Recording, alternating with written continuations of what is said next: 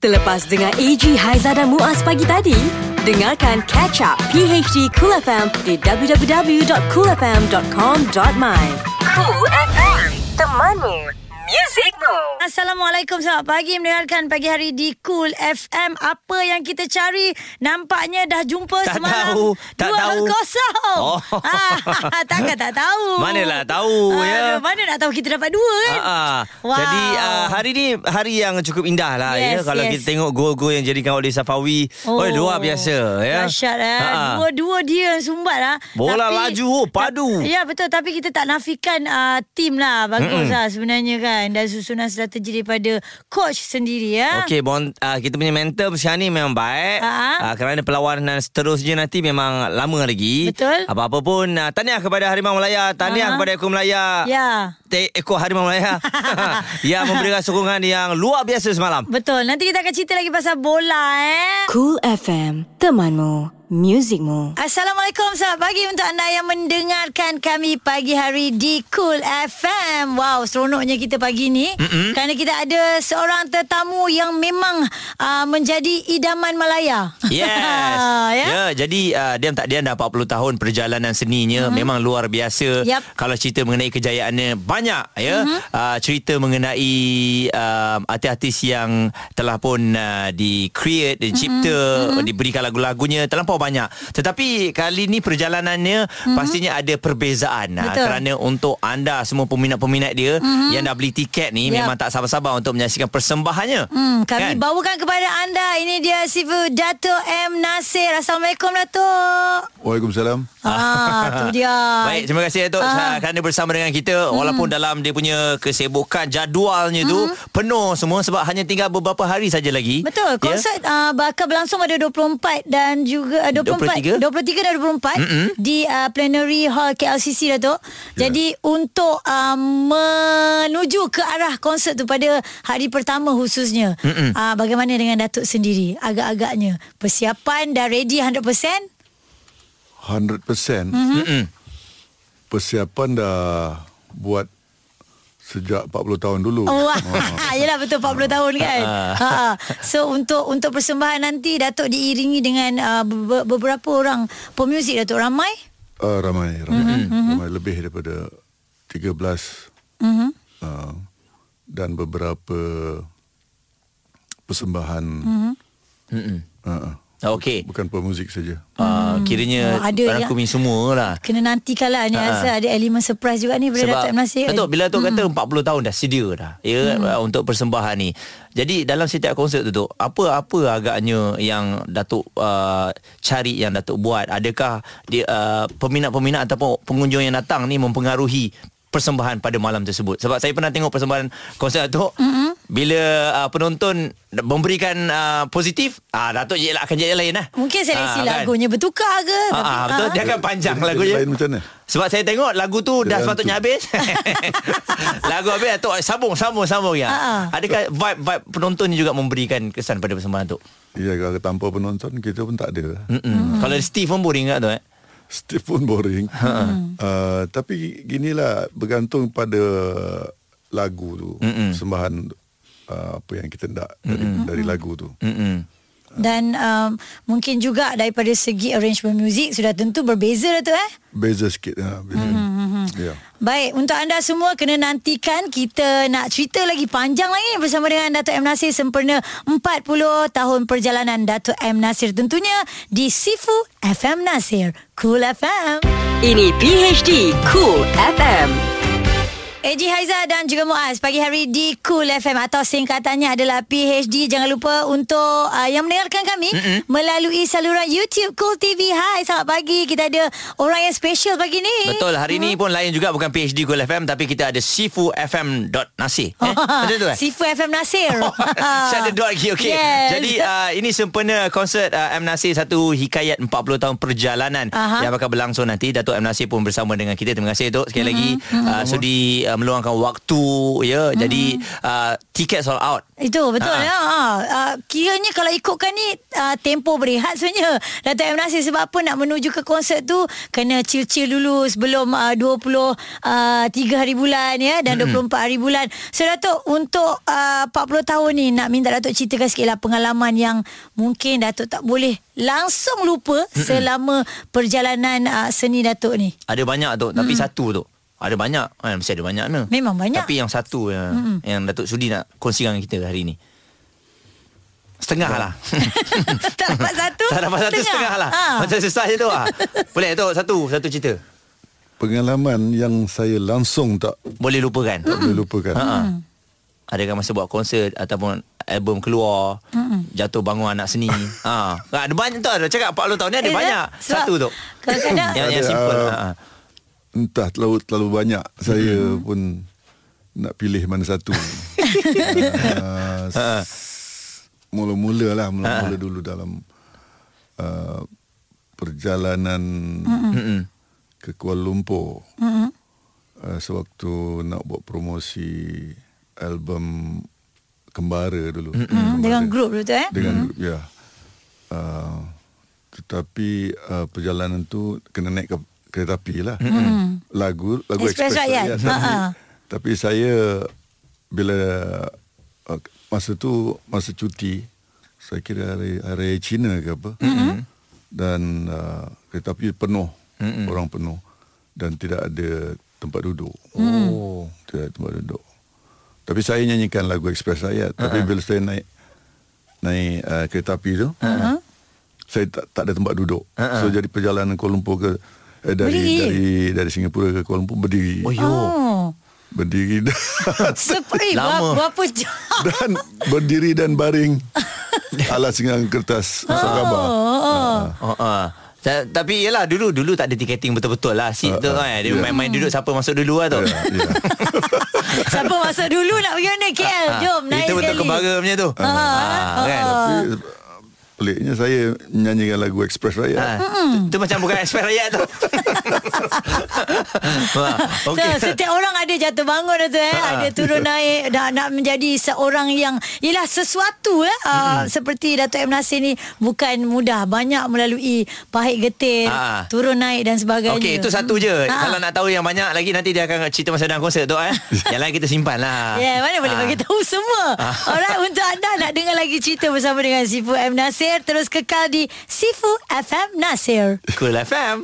Cool FM Temanmu Music Rules Hai, Assalamualaikum. Kami kembali lagi untuk anda tentunya di Sifu FM Nasir. Kita ada Dato' M Nasir sempena uh, konsert beliau ya, konsert M Nasir satu hikayat 40 tahun perjalanan. Uh, ni bukan nak cerita pasal uh, Datuk punya uh, lagu-lagu solo, tetapi beliau juga banyak berbakti sebenarnya dengan artis-artis berkumpulan, uh, lagu-lagu kerohanian, kumpulan Ajawahir, nasyid lepas tu dengan grup beliau sendiri kembara eh Muaz eh. Ah. Ah, Banyak-banyak lah. Kira pasal lagu ni ada banyak macam-macam. Betul. Tapi dok uh, turun naik ini, turun naik pernah tak ada satu time tu Datuk rasa kecewa dengan industri muzik kita.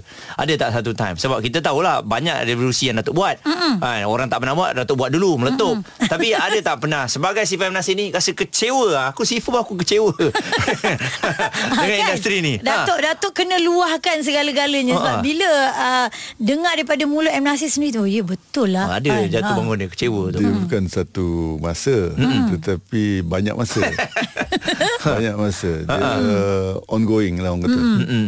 uh, Gairah dan kecewa Itu berlaku Itu biasa tu eh. Mungkin tiap-tiap hari Oh, mungkin tiap-tiap hari. Memang ada je. Ha. kan? Mungkin tiap-tiap hari Mungkin tiap-tiap hari. Ha. Ha. Kecewa pasal apa tu? Apa saja yang berlaku? Macam-macam lah. Macam-macam. tu. Macam-macam Ha. ha. Kalau dalam industri seni tu Kalau nak cerita pasal cetak rompak tu Daripada dulu tu eh Cerita rompak Itu satu hal yang uh, Tak berpenghujung Ya Betul, betul. Okey, baik. Uh, nak tanya juga Datuk, adakah lagu ini juga ada dalam senarai kat konsert nanti? Kias Mansuri Datuk Adakah tersenarai? InsyaAllah. Ada ada. InsyaAllah, eh. Lagu ni Datuk akan tarik drag panjang ni. Masa nak closing tu. Ah. nanti nanti sambung lagi, sambung.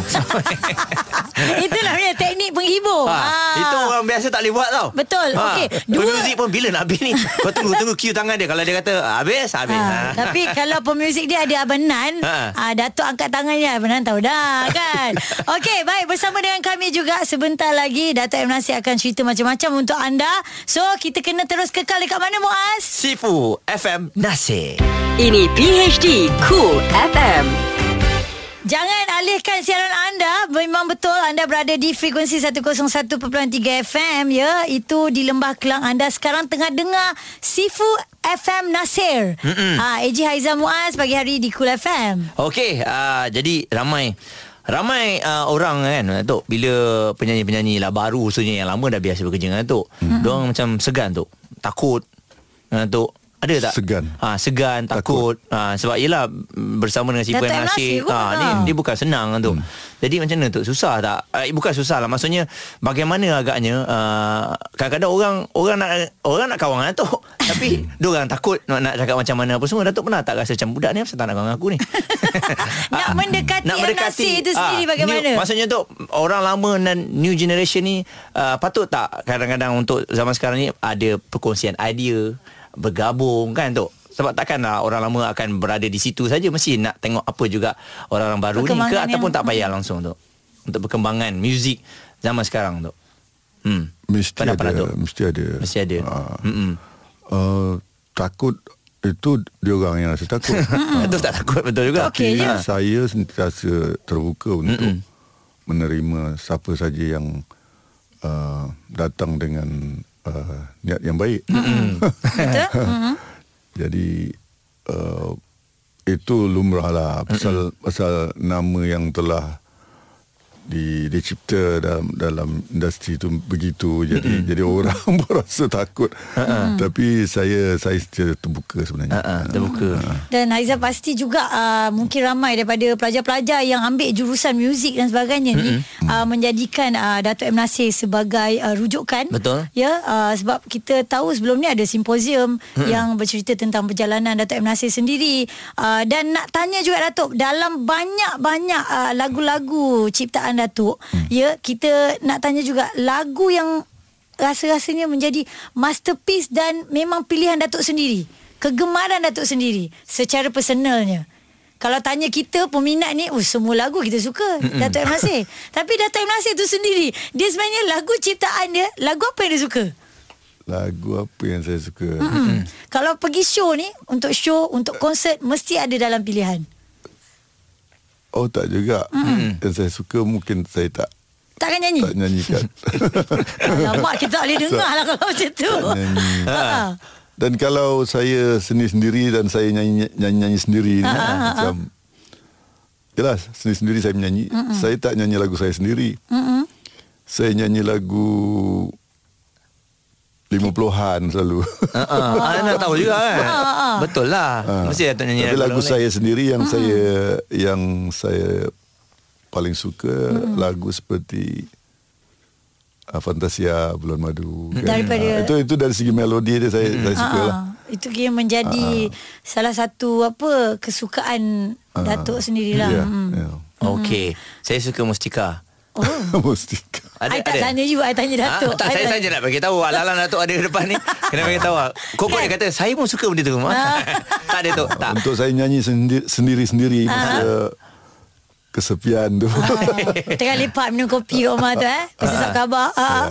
Tolong Itulah nanti dia. tim production kalau hmm. dapatlah ambil satu video Datuk nyanyi waktu ni ambil curi-curi. Kongsikanlah kat Instagram nak Itu tengok jadi juga vlog, lagu vlog. apa yang Datuk nyanyi eh. Ta- Datuk tak payah tahulah maksudnya video ni nyorok-nyorok ambil.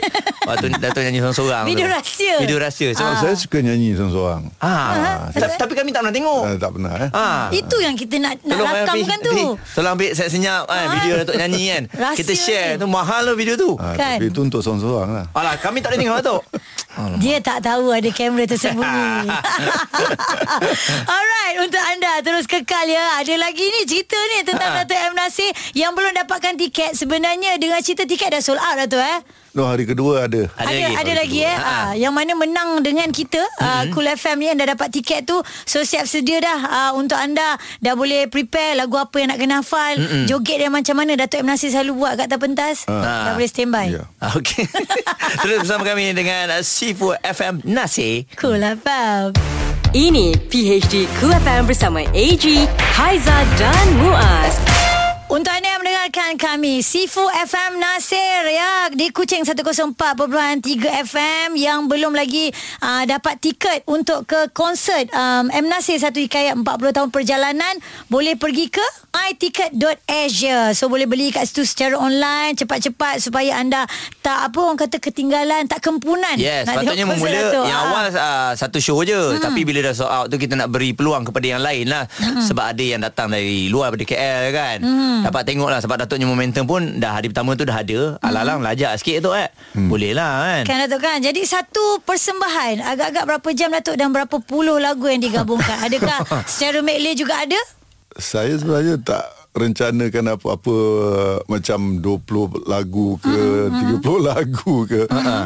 Uh, tapi dalam 2 jam tu memang ada lah. Mm-mm. Dua jam. Uh. set-set lagu tu 2 jam tu lama tau. lama. Ha. Betul Kalau uh, Kalau Dua jam tu lama Tapi dah, lagu Datuk M Sejam Nasir lebih Sejam lebih tu dah bagus lah tu ha. Dua jam tu kita bagi bonus lah. Ah, Lebih kalau lah yang datang. Nak lebih lagi Datang dua hari lah Ah, eh. dapatlah empat jam. Ah. Dua hari. Saya pasti uh, Datuk lagu berbeza tu Daripada hari pertama dan kedua uh, Sama Mana Eh, boleh beza pandai. Tak boleh beza Ah, pandai. Orang Manalah rasa- tahu rasa, Ga- rasa rugi Rasa rugi lah. Ha, ha. Yang pertama ada lagu bonda Yang kedua tak ada lagu lain pula eh? ha.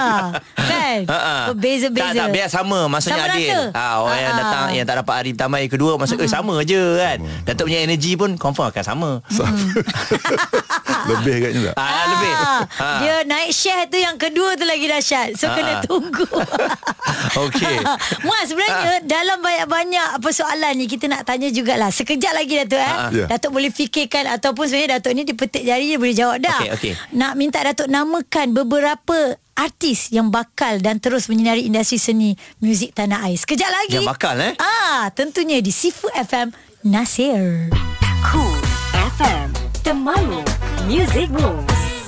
Untuk anda yang mendengarkan kami uh, Tak kisah di mana saja anda berada Di platform mana Dengarkan ini adalah Sifu M. Nasir Mm-mm. Eh Sifu FM Nasir Bersama dengan kami ni Nak bercerita tentang 40 tahun perjalanan Datuk M. Nasir Konsertnya yang bakal diadakan pada 23 dan 24 November 2019 ya Okey, hmm. uh, tadi Haizah dia kata antara generasi baru yang Datuk dapat tengok lah yang hmm. uh, boleh bersinar, boleh bertahan di mata Datuk sendiri sebab sekarang ni kebangkitan generasi baru punya penyanyi-penyanyi ramai Datuk. Hmm. Uh, dia punya tu macam seminggu akan ada seorang artis baru yang lahir daripada YouTube yang yang keluar single dan sebagainya. Mungkin Datuk ada mantau sikit ada tengok Ah, orang ni boleh ke. petik satu nama Dua Ah, nama ah, ah. Lelaki perempuan tak kisah Ikut-ikut lah Datuk mana yang keluar. Ha, ha. Ada Ada. Ada Tanya pertanyaan dia apa Pertanyaan dia Ialah artis Nak nama ke, Aizah? Aizah nak Ah, ah, nama? Boleh juga Kalau Pertanyaan Datuk, dia ah, apa? ah, Artis-artis baru ni Yang Datuk Yang- Datuk rasa dia boleh kekal Boleh tahan. Terus bertahan Ah, ah. dalam Oh. industri Ah, ah. Orang kata sikit lebih kurang tu Dia boleh jadi macam M. Nasir juga lah Satu hari nanti uh, Itu banyak bergantung kepada Kebolehan dia mm-hmm. uh, Suara dia mm-hmm. Dan uh, personality dia mm-hmm. Dan, dan uh, lagi satu yang paling penting sekali Ialah lagu-lagu yang dia rakam tu mm-hmm.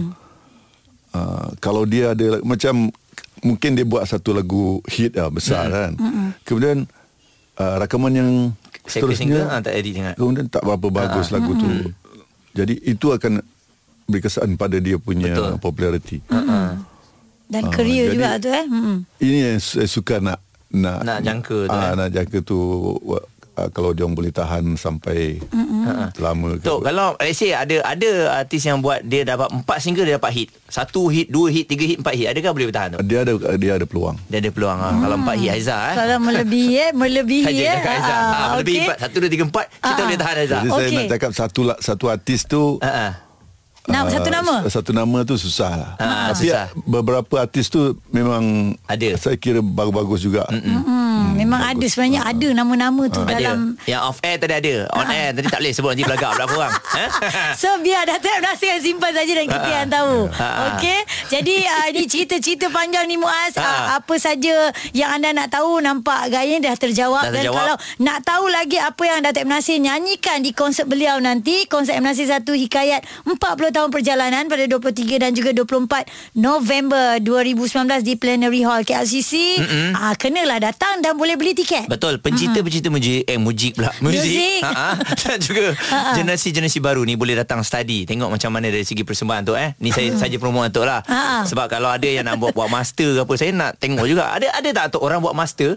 Uh, Dia kaji mengenai uh, Amnasi ada tak Atuk Yang datang kat Atuk Saya buat master ni nak Ada ada tak? Selama ni? Buat doktor. Buat doktor ah, doktor ada tu. Ah, see? Wow. Bagus tau benda-benda macam tu. Tu mahal tu simpanan tu eh. Kan? So jangan lupa ambil peluang Okey dapatkan sekali lagi tiket di myticket.asia Ah, Anda boleh beli sekarang supaya anda tidak terlepas Kerana ini uh, untuk pelajar-pelajar ini satu pembelajaran Mm-mm. Untuk kita-kita semua ini satu hiburan yang kita takkan boleh lepaskan dan lupakan Memori hmm. tu Okey tu Kami promo ke tak? Dan kita nak, nak kita terus doakan Dato' M. Nasir sihat dan dapat melakukan yang terbaik di pentas uh, uh, plenary hall nanti insya-Allah ya. Ha. Ya. Semoga berjaya tu Terima kasih. Ah. Terima kasih. Eh, ah, Kamu tak percaya ke apa? Ah, tak apa tu, tak apa lah. Nah, Datuk, dia Datuk cuma ingat, minta panggil dia jadi pengacara je. ingat nama saya dah okey lah. yang tu Mas di Haiza Alright Terima kasih sekali lagi Untuk anda yang mendengarkan kami Layan terus lagu-lagu Dato' M. Nasir Tentunya di Sifu FM Nasir, Nasir, Cool FM. AG, Haiza dan Muaz. Ini PHD Cool FM. PHD Sifu FM Nasir Bersama dengan anda 6 hingga 10 pagi AG Haiza Muaz Alright, uh, kami di sini menemani anda. Uh-huh. Jadi untuk jam yang kedua ni, jom kita nak dengarkan antara berita yang berlaku sekarang ni. 5 yang trending. 5 yang trending. Bersama PHD Cool FM. Alright Jom kita dengar di tempat yang ke 5. Okey, kisah mengenai peralihan kuasa akan tiba ataupun akan berlaku bila tiba masanya. Oh. Ini kata Yang Maklumat Perdana Menteri, pentadbirannya akan bertukar apabila tiba masa yang sesuai hmm. dan katanya lagi kita belum tahu lagi keadaan negara sekarang ni sama ada bersedia untuk peralihan pentadbiran ataupun tidak. Bila sampai waktunya kita tentukan. Hmm. Dan uh, Tun Dr. Mahathir menjawab dakwaan punca kekalahan Pakatan Harapan di pilihan raya kecil PRK Tanjung Piai baru-baru ini hmm. disebabkan tiada garis masa yang jelas mengenai peralihan kuasa. Malah beliau juga menerima tuduhan dari pihak tertentu yang menyalahkannya kerana kekalahan tersebut. Alright 4. Alright, ini dia pula ya. Polis menafikan sebuah video yang tular sejak semalam mm-hmm. merupakan rakaman aksi daripada tujuh pelajar lelaki yang disyaki merogoh seorang pelajar perempuan tingkatan dua di Tawau. Mm-hmm. Bagaimanapun, Ketua Polis Daerah Tawau berkata uh, perkara itu kini dalam siasatan polis dan pihak bahagian forensik sedang menjalankan siasatan yang terperinci uh, mengenainya dan jelasnya kesemua telefon bimbit milik tujuh suspek berkenaan serta telefon bimbit mangsa juga telah dirampas bagi tujuan tersebut. Jadi hmm. mereka meminta orang ramai agar tidak membuat sebarang spekulasi dan kalau ada video ke apa ke jangan ditular-tularkan. 3. Alright, seterusnya ini berita mengenai Azmin buka mulut mesyuarat dengan pembangkang katanya perkara biasa. Okey. Ah, tiada perkara luar biasa yang berlaku apabila mengadakan mesyuarat dengan pembangkang kata Datuk Seri Muhammad Azmin Ali lah. Hmm. Tegas timbalan Presiden PKR itu pertemuan itu hanya mesyuarat biasa selain mengakui mengambil sikap terbuka dalam pertemuan berkenaan.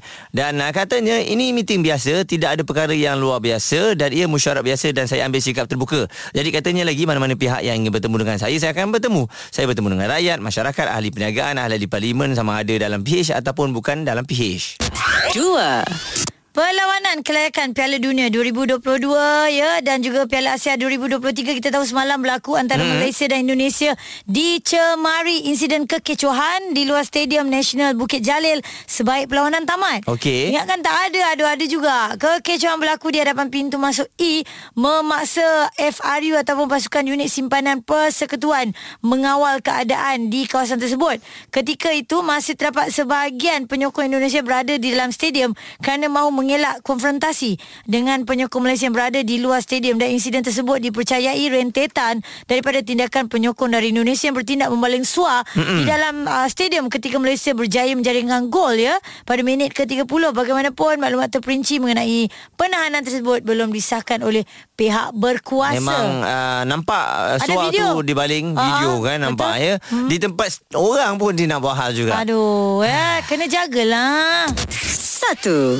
Baik, uh, ini kisah mengenai yang kami nak kongsikan tadi. Kanak-kanak Jepun terima kejutan dari uh, robot maskot Tokyo 2020. Oh, Ah. okey. Ini maknanya maskot dia adalah robot eh? Yes, ini buat julung kali ininya apabila murid-murid sekolah rendah di Jepun menerima kunjungan daripada robot ini. Uh-huh. Lebih 600 murid di sekolah rendah Hoyonomori di Tokyo berpeluang untuk berinteraksi dengan robot-robot maskot tersebut dan uh-huh. menyaksikan ia dikenalikan dari jauh. Oh. Robot-robot ini yang dikenali sebagai Mirai Toa dan juga Someti uh-huh. dibangunkan oleh Toyota Motor Corporation yang juga penaja terbesar untuk Tokyo 2020. Oh, yo. Jadi untuk pengetahuan anda semua, Ha. Mirai Toa ni uh-huh. adalah maskot bagi acara Olimpik manakala Someti merupakan maskot bagi acara Paralimpik. Tak sabar ni nak tengok rupa dia macam mana eh. Ha-ha. Sebab dia orang ni kan memang uh, apa teknologi dahsyat. Betul? Hai, nah tu nanti Tak. lah 2020 Selalunya eh. maskot Ha. dalam dia orang. Betul. Yang ni Robot. eh. robot. Lagilah jangan Hai. ke murid-murid kita pun teruja ni kan. Betul. Nak beli tiket pergi Tokyo? Sempat tak? Mampu tak? kita makan kuih talam Tokyo sudahlah. Ini PHD Cool FM. Selamat pagi untuk anda yang bersama dengan kami pagi hari di Cool FM. Hari ini istimewa sikit kerana kalau anda dengar tadi bersama dengan Sifu FM Nasir. Ha, dia ganti untuk sementara Cool FM ni kerana dia yang conquer ni. Ha, Datuk M. Nasir ni kerana menghampiri konsert beliau pada 24 November, okey? Oh, ingat nak ambil kerja kita tadi bukan eh? Sian kita. Jangan dah. Datuk dah okey dah nyanyi. Okey. Nah, stay, tu stay. dapat MNCP dah.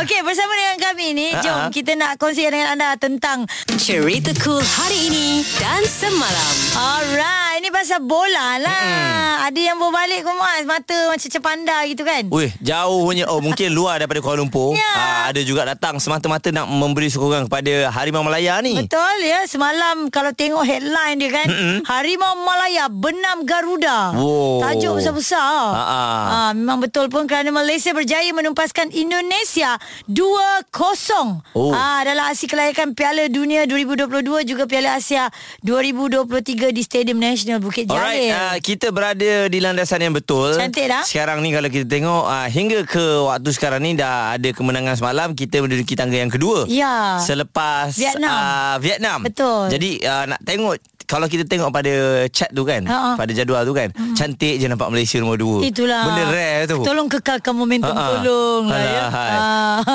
Okey kita nak bagi tahu juga Ini aksi cemerlang Yang mana uh, Telah diberikan oleh Safawi Rashid Mm-mm. Yang berjaya menjadikan gol pertama Pada minit ke-30 Menerusi Dan kick. Ya dan uh, gol yang kedua Membolosi gawang Garuda Pada minit ke-72 Mm-mm. Ah tu dia Tu yang kosong tu Indonesia tu Ha, tu berani dia duduk main gelecek-gelecek depan gol. Pawi hmm. dapat dia, rembat dia. Hmm. Oi, laju Pawi ni.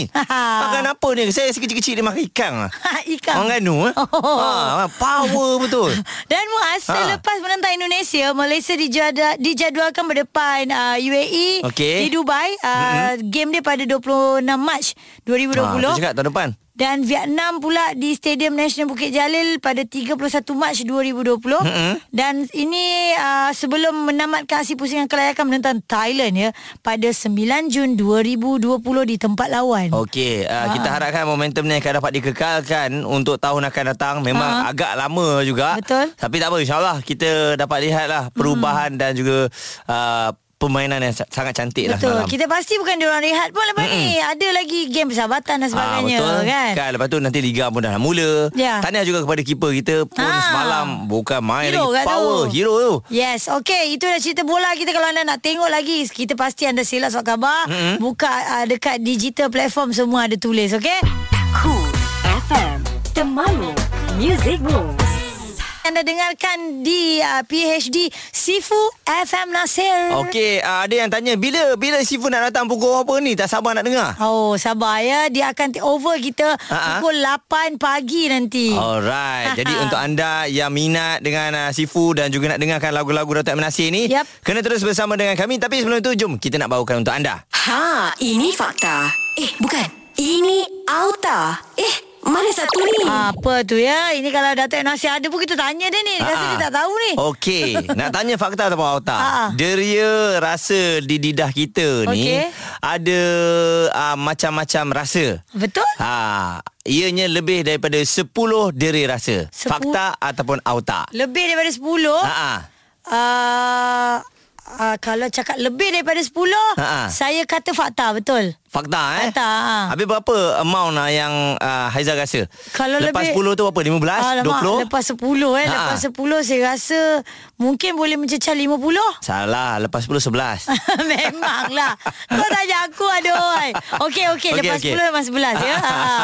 Jawapannya apa? Baik, jawapannya memang betul Haizal kata fakta. Fakta. Yes. Sebab memang lebih daripada 10 tetapi dia bukan 50, dia beribu ya. Tahukah anda uh, orang dewasa secara puratanya mempunyai antara 2000 hingga 4000 deria rasa secara Seorang? keseluruhannya. Oh. Seorang. Ha ni Okey. di lidah manusia. Ha-ha. Jadi sel-sel deria pada deria rasa ni bertanggungjawab terhadap bagaimana kita melihat dan merasa makanan Ha-ha. diperbarui dengan sendirinya setiap minggu tau. Wah. Dahsyat tak sel kita tu ya? Maknanya 2000 ke 4000. Ha. Uh, lidah masing-masing berbeza. Yes. Ya tak ya juga kadang-kadang dekat bila kita try satu makanan atau Mm-mm. minuman lah eh bagi contoh bagi dekat kau Muaz. Okey. Kau cakap rasa dia macam ni, aku pula rasa cakap Ha-ha. tak lah rasa dia macam ni. Ha-ha. Berbeza. Berbeza. Ha, sebab okay. tu kalau orang tanya makanan tu sedap ke tak, Ha-ha. berbeza pada orang tu. Orang tu kata sedap, orang B kata tak sedap. Orang ni kata okey tak pedas, kau Ha. kata pedas. Ha. Ah, okey maknanya kita ni seorang ni ada 2000 uh, sehingga 4000 Mm-mm. rasa yang berbeza ya. Uh, dahsyat Ah. ha. Hebat lidah kita ni. Begitu sempurna Allah jadikan kita. Betul. Jadi uh, hargailah kesempurnaan hidup kita ni. Ya. Jangan nak diubah uh, lidah yang dah ada tu.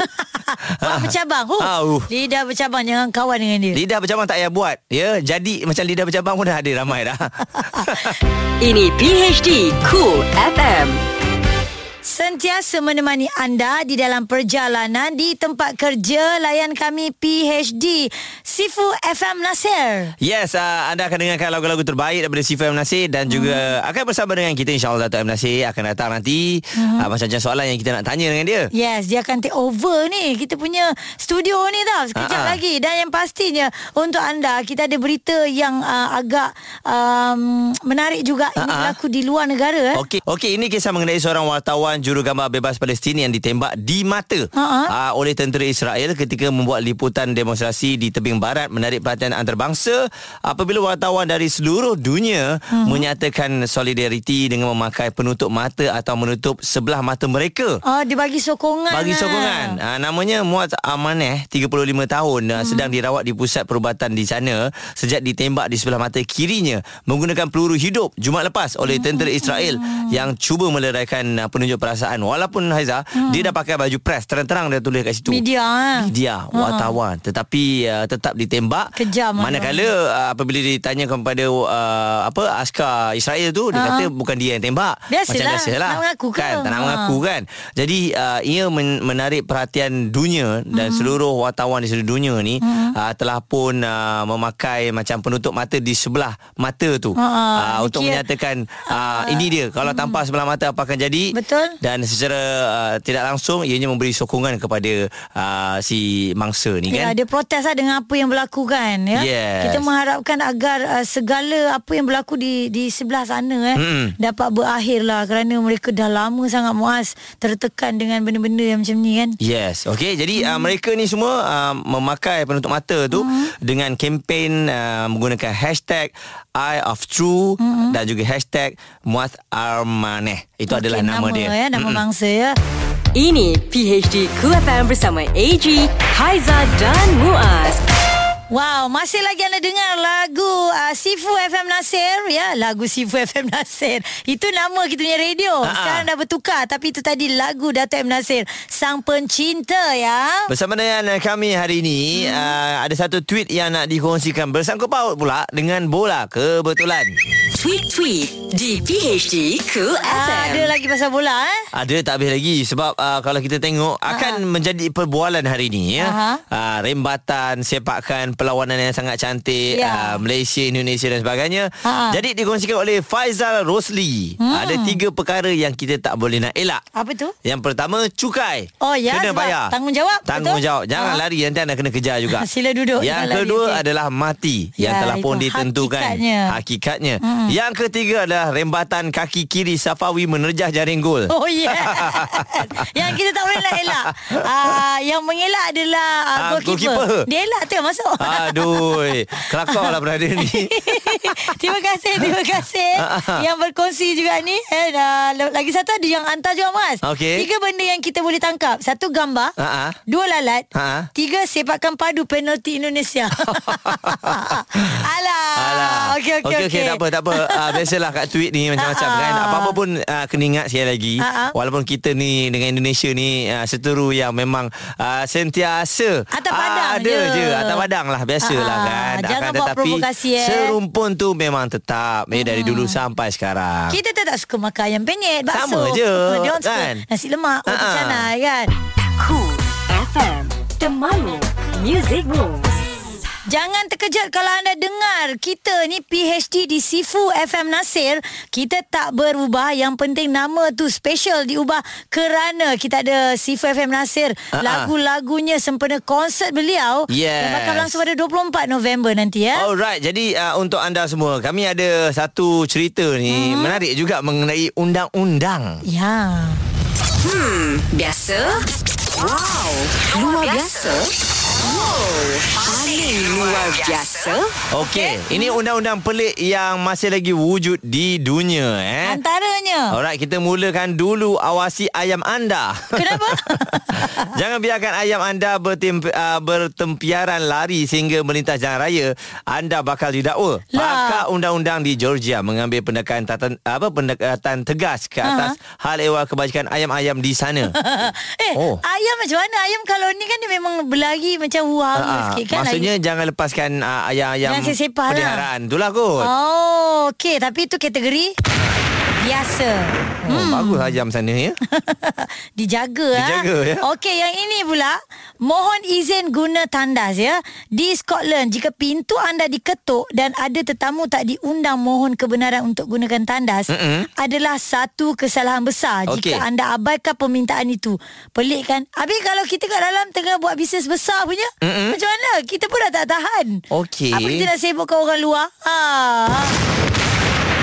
Oh, kalau tak buka satu kesalahan eh. Kalau tak buka kita kesalahan. Esok dia kita tandas lain lah. Maksudnya kalau kita nak buang air besar, Ha-ha. kita biar pintu terbuka lah. Jadi dia takkan ketuk. Ya tak? Ya juga. Alah. Okey.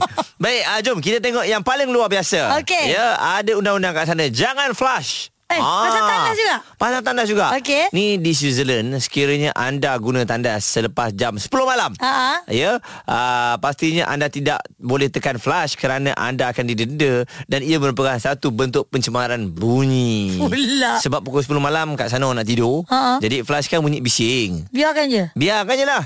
Oh my god. Okey. Hai. Uh, program. Tak apalah Maksudnya kita kumpul Ha? uh, Pukul 6 pagi Bila dah dibenarkan Kita flash lah Jimat air Ayo. AG, Haiza dan Muaz. Ini PHD Cool FM. Eji Haizal Muaz, kami adalah trio PHD Sifu FM Nasir. Alright uh, Jadi Hari ni untuk anda semua mm-hmm. Yang uh, Bersama dengan kami Ya. Tadi kita ada cakap Nak telefon Pawi kan Betul. Sebab Haizat ada nombor telefon dia Ya. Saya pun tak ada Macam mana dia boleh dapat Saya pun tak tahulah Mungkin dia kawan lama lah Ha, kot kita kawan-kawan, kita kawan dengan semua orang. Eh dia angkat ke? Ha, ni Yeah. pagi ni Okey, dia angkat oleh ke? kerana kita ni nak diangkat telefon, Ha-ha. kita kena cakap Assalamualaikum slow-slow sikit. Ha-ha. Assalamualaikum Pawi. Tak ada pun Pawi Pawi Assalamualaikum Pawi. Pawi Waalaikumsalam. Pawi, ni Haiza dan juga Muaz dari Cool FM. Ya. Sorry, baru bangun Aduh, tidur Pawi apa? bangun weh. Pawi bangun. Sorry, sorry, sorry. Sorry, Pawi, kacau, Pawi. Ah, tak apa, tak apa. Eh, eh, kita nak ucapkan tahniah untuk awak kerana menjadikan gol untuk pasukan Malaysia. Ah, terima kasih. Rezeki dari Allah. Wow. Alhamdulillah ya nampak disiplinnya Pawi ni. Ini dia tak bangun lagi tau. Ah. Malam tadi penat kot. Apa-apa pun Pawi macam mana Pawi perasaan uh, menjadi uh, penjara untuk dua gol yang sangat cantik malam tadi Pawi? Yes. Uh, perasaan saya First kali saya nak terima kasih kepada Semua rakyat Malaysia yang hadir Lepas tu teammate saya yang Bagi lebih daripada 100% uh-huh. uh, Dan Semualah yang terlibat uh, Untuk Malaysia Jadi Bagi saya semalam uh, Go tu punca daripada kawan-kawan Kawan-kawan saya juga uh-huh. uh, Kalau sebab bukan kawan-kawan saya Saya tak dapat Dan jadikan go Alright. Dapat jadikan gol tersebut hmm. uh, Saya rasa gol semalam tu Bagi saya Baiklah untuk saya uh, Untuk 2019 ni Betul. Ah, dan kalau kita lihat Pawi dapat anugerah baru ni Oh. tiga anugerah sekaligus betul? Ah, yang popular dia. Ya betul. Yang paling paling bernilai dia. Betul. Ah, dahsyat. Pawi, pa, susah tak Pawi ni sebab ni dalam usia yang muda Pawi dah dapat macam-macam anugerah dan uh, sekarang ni semua orang dah memberikan tanggungjawab. Apa-apa semua Pawi. Highlight tu kat dia. Ha, kan? highlight dah je Ah. Pawi. Macam mana Pawi? Uh, Saya rasa Dua tahun saya dapat MVP uh, So benda tu not, not easy lah Sebab nak Saya rasa nak konsisten memang susah Betul. Jadi mungkin uh, saya ambil benda tu sebagai uh, challenge dalam diri saya dalam hidup saya. Mm-hmm. Uh, so dalam training everyday saya bagi bagi yang ter, terbaik lah lebih daripada apa yang saya ada saya akan bagi dan untuk nak dapatkan konsisten. Mm-hmm. Jadi mungkin mungkin juga apa berkat doa ibu bapa saya yang selalu doa. Amin, Jadi benda tu uh, stay benda piala MVP tu stay bagi saya lah. Ya ya ya. So Pawi untuk persediaan uh, 2020 mm-hmm. ya ini kira berehat lama ni tapi uh, kita pasti mesti ada perlawanan persahabatan dan sebagainya kan? Mm-hmm. Ha ah, okey. Jadi all the best Pawi. Uh, semoga maju jaya untuk awak. Ya. Jadi satu lagi ucapan uh, kepada semua rakyat Malaysia. dan Silakan juga Pawi. pendengar Kul FM. Okey, uh, terima kasih kepada penyokong Malaysia uh, yang hadir semalam. Jangan jangan gaduh-gaduh lagi. Mm-mm. Uh, kita dah menang, jadi kita tenang-tenang. Mm-hmm. Dan ini tak cuti tak? Mu mu cuti Mu cuti lah, mu boleh Kami tidur kerja lah. macam biasa Pawi. terima kasih kepada pendengar-pendengar Cool FM. Terbaru musicmu. Bye Pawi. Terkoyak jari itu terkoyak jari itu. Alright, bye Pawi. Bye, Pawi. Bye. Dia Pawi, betul kata Muaz, disiplin sangat dahsyat. Ha, ha. Uh-huh. kalau kita tengok setengah orang ni yang dah memang tukus lumus malam tadi, ha. ni pagi dia tak wujud ni Okey. tidur tapi kami dia nak okey. share lah macam mana kami call dia, kami dapat nombor telefon dia, kami call. Kami bajet dia tak angkat sebab Ah, ah. memang patut pun kalau dia tak angkat. Yes. Malam tadi habis pukul apa tapi Betul. dia angkat. Baik Pawi. Pawi memang. Come on, Harimau Melaya, Malaysia. Terus dengan kami. Cool FM.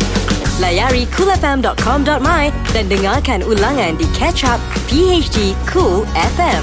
Cool FM, temanmu, muzikmu.